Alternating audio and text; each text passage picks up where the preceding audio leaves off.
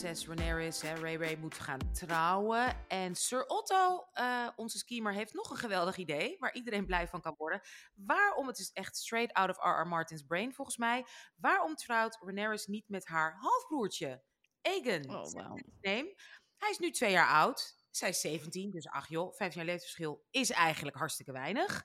En ja, pure uh, Tigerian blood. En everybody happy. What the hell, jongens? Wat is dit nou toch? Waarom? Is dit ook voor de fans? Manju? I, I thought, that why not? I mean, twee. You're ready. Okay. Maar ik dacht ook van, hè, waarom doet die King uh, Viserys hier zo heel raar over? Dat ik echt dacht van, listen, dit is wat jouw blood it's, always does. En nu gaat hij opeens outrage doen. Because he's two. It's fake outrage. It's fake news. Ja. Yeah. Heeft ja, Otto ergens een punt? I mean, ja. Ik, zonder iets te spoilen, it would be the savior of everyone. Ja, maar het is toch ook niet raar? Ik bedoel, de Targaryens doen dit al, like, since forever. Ja, wasn't um, Aegon first of his name ook niet met zijn zus getrouwd? Ja, allebei eigenlijk. Ja, dus ik vond het een beetje, ik vond het out of character dat de king er zo out Die daar moeilijk over deed. I think they needed to, want als hij had gezegd van ja, let's go, dan was het verhaal afgelopen. Precies, eind goed, al goed. Maar goed, met al die intelt, ja, het is niet raar dat dan al die vingers ervan afvallen. Uh, maar goed, anyway, Rhaenyra wil, die wil met niemand trouwen. en ze maakt ruzie met iedereen. Ze is met inderdaad een paar rijke dames daar in de tent. Um, en ze pakt niet de draak, maar ze pakt de paard. Ze vertrekt, ze is er helemaal klaar mee. En Sir Kristen Cole, Fabian Frankel, wel lekker hapje, die is haar Kingsguard. En ja, ze zijn al twee jaar met elkaar, hebben ze connectie. Die gaat achter haar aan. Um, jongens, Ebice, is dit nou koninginnengedrag dat ze hier vertoont? Of jij bent moeder van pubers? Is dit gewoon een boze puber die wegloopt, stapvoetend? Ze is gewoon, ze is 17, she's going through the motions. She's lonely, her mother died. Her best friend left her for her father. But that was two years ago. Maar you know? precies, we zijn twee jaar later. Uh, yeah, your, your, your best friend is knocked up with your dad, by your dad. Dit is, dit is eigenlijk een soort die HBO-serie, uh, die tienerserie die iedereen kijkt die ik niet heb gezien. Euphoria? Ja, Euphoria toch? Die, die zijn toch ouders en de kinderen oh, en vriendinnen en zo. It's like... Ja, ja, ja. It is pretty... En ik kan me voorstellen dat ze daar... En niet alleen dat, voor, het gaat ook voornamelijk om het feit dat she knows, now that he has a son, die hij meteen zo, like Simba, zo op de, op de rots, zo omhoog houdt. Uh, dat ze weet gewoon, oké, okay, it's, it's, because Rhaenys had al tegen haar gezegd van, wacht maar. You think you're gonna, in, in, in de tweede aflevering, you think, you, you think you're, you're, you're, you have it in the bag, maar wacht maar. En dat speelt ook... Ja. Maar voor iemand die zo bezig is met haar toekomst, vind ik zo ruzie maken en een beetje zo bratty doen, vind ik natuurlijk niet echt een koningin, koninklijke, slimme keuze. Precies, ze, ze, is een beetje zelfdestructief bezig hier, want uh, haar vader zegt basically van, no, you got it, weet je wel. Ik twijfelde, but ja. you got it. Hij is alleen maar boos. Like, she's being self-destructive. Dus ik had voor, voor het eerst in, in deze drie afleveringen, ik dacht van, oh, but this, is, this might be where she's heading as a character. Dat ze eigenlijk gewoon niet zo'n hele goede koningin gaat zijn. Ze gaat best wel zelfdestructief worden. Nou, sterker nog, en daar wil ik Marjam over horen. Daarna zien we dus, is alleen gezellig met, uh, met Sir Kristen Cole. Er is een soort spanning. Ze praten over het leven. Ze zit weer te klagen, ikke, ikke, ikke. Maar goed, hè, hij luistert naar haar, goed. Maar wat gebeurt er dan? Dan komt er een wild zwijn. Ze raken ermee in gevecht. En Rhaenyra, nou, die steekt dat beest toch een partij dood. Gewoon ze echt, nou, ik, dit, echt honderd keer met haar mes. Gewoon al haar woede. En ze zit helemaal onder het bloed. En dan zien we een soort blik in haar ogen. Marjam, wat dacht jij bij die scène? Wat betekent deze scène? Ik vond het zo en ik dacht nog dat wit hert gaat komen. Eigenlijk vond ik, zouden dat hert daar moeten laten komen als een sign. Want nu, hè, we weten helemaal niet wat er in de afgelopen twee jaar tussen Sir Kristen Cole en Rhaenyra is gebeurd. Dus die zitten They banging. I don't know, maar now they were instead of, they, now they were just they were just camping. Right now they were just camping. Dus ik snapte helemaal eigenlijk weinig van die scène. Want ik dacht, oké, nou nu... Ik verwachtte dat er dan... Hè, dus dan wordt spanning opgebouwd. En dacht ik, oké, nu krijgt hij zo een pijl door zijn hoofd of door zijn oog of hij gaat dood of wat dan ook. En dan komt er gewoon een boor. En dat is het dan gewoon. Which is a bore. Which was a bit of Ja? a It bore. was, it was such a bore. Ja? Dat, toen dat hert. Ja, Ja, ze hadden dat hert moeten zetten. Ja, maar ik vond juist dus, kijk, eh, wat ik dus interessant vond is wat het daarna volgde. Want, eh, en ik moet zeggen, die- dit heb ik, die connecties heb ik pas with the second watching later on van, vanmiddag gemaakt.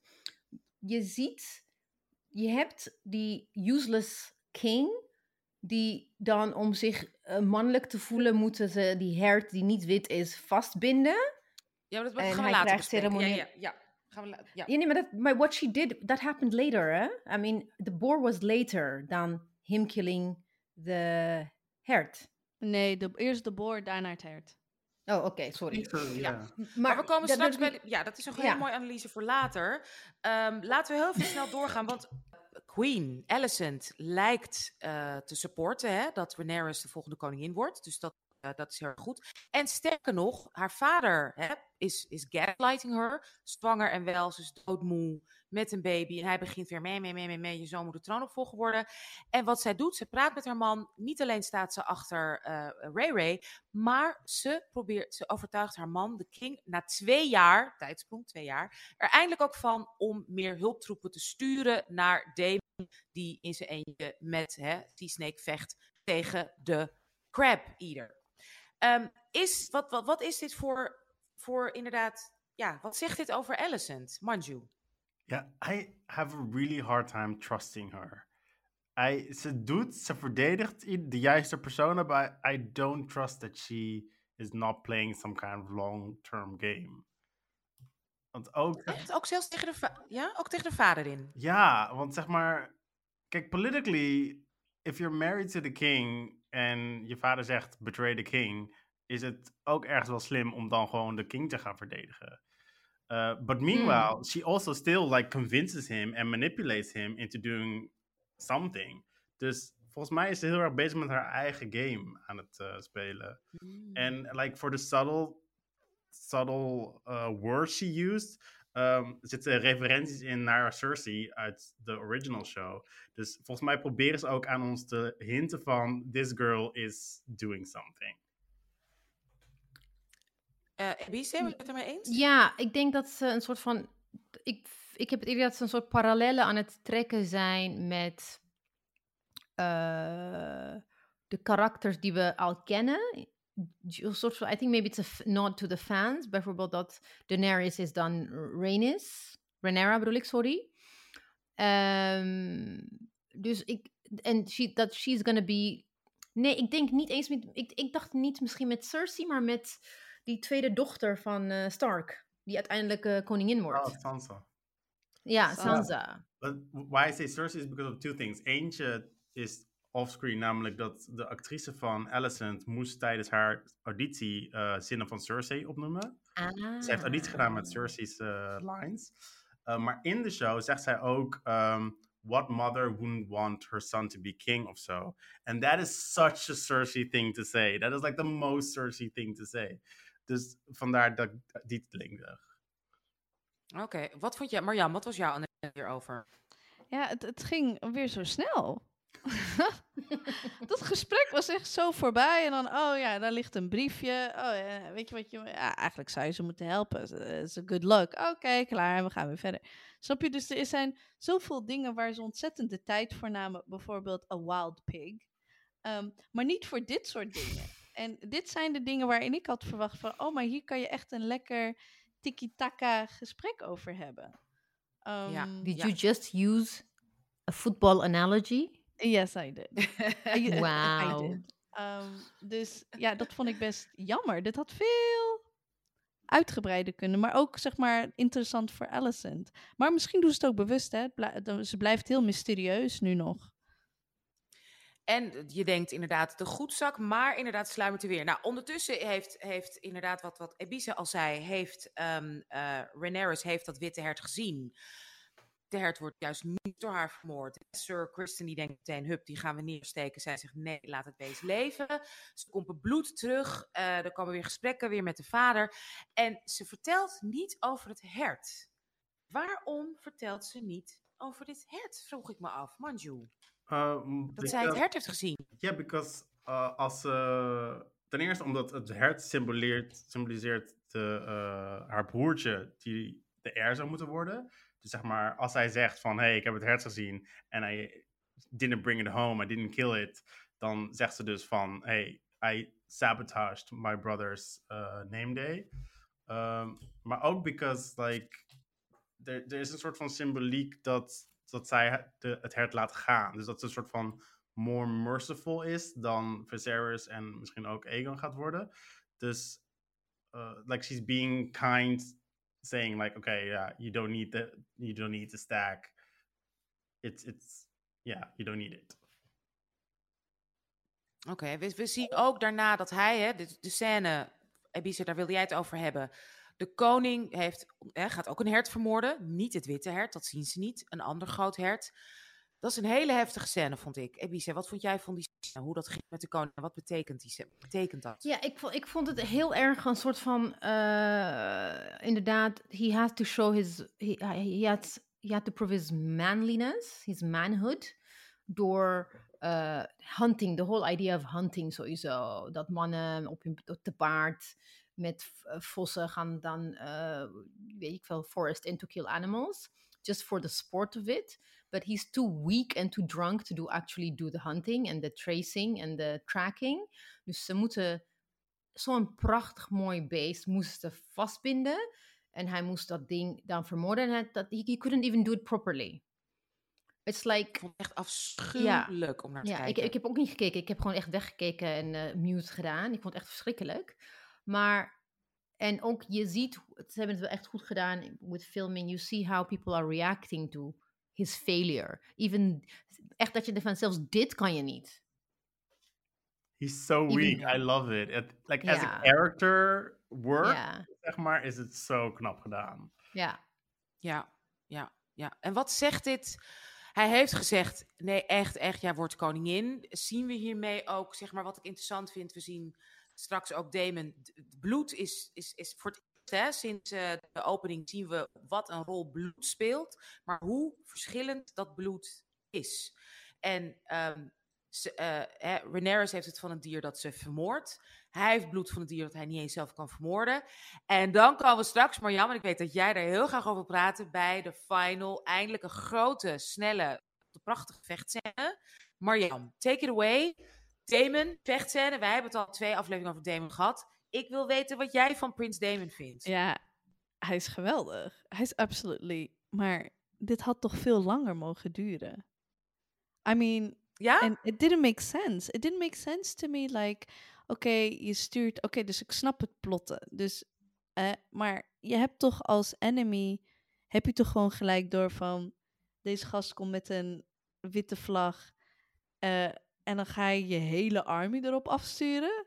I mean, like, it didn't make sense at all. Like, niemand, de crab, die crabman, weet je, die was, die, die liet zich niet eens uitlokken door Damon in het begin over van, come here. Weet je, die dacht zo van, yeah, I'm gonna lose it. Ik ga naar binnen, want ik win het in de grot. En dan, dus je ziet Damon vechten in zijn eentje.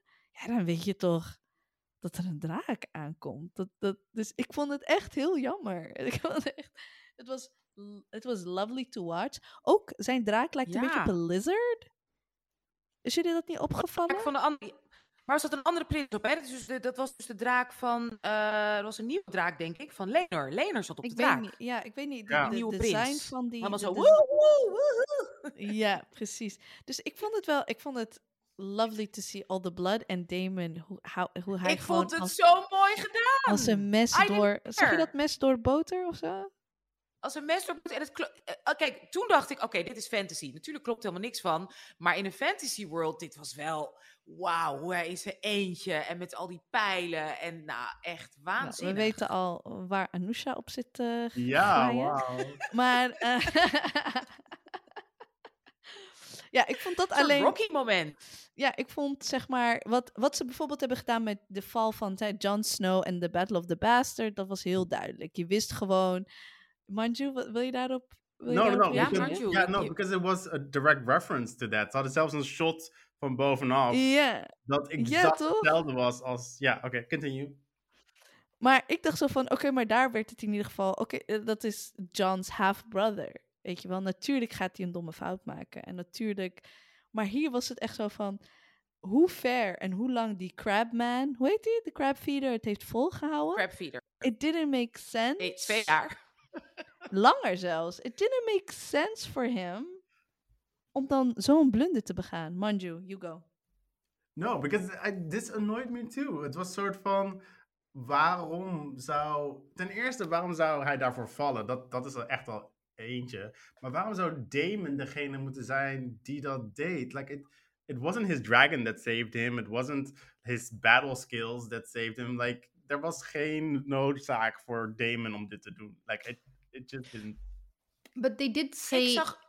Oh, sorry. Uh, want ze nee, hebben, wie zeggen door, door. Hebben ze niet. Ze hebben dus uh, de Stepstones, uh, toen, die shot met die lelijke wigs. Ze hebben het letterlijk gespeld, uitgespeld waarom hij eigenlijk. Because they were saying, but, but we, we, we need to use a bait. En dan zie je zo, bam, op die chessboard. And, but who would be crazy enough to be, uh, to be used as a bait? No one. Damon. Yeah, he is crazy. Weet je, het is zo ik zou je zeggen, waarom ik er wel in intrapte, is dit. Hij krijgt de brief na twee jaar, hè, meer dan twee jaar, van zijn broer. Oké, ik kom mensen helpen. En wat doet hij? He gives a new meaning to don't kill the messenger. Je zou denken, nou, omhelst die man, blij. Eindelijk na twee jaar komt de hulp. Hij slaat hem helemaal in elkaar. En hij zegt, I need no fucking help. En ik ga nog liever dood dan dat ik hulp krijg. En daarom lukt het hem. Dat is volgens mij het verhaal.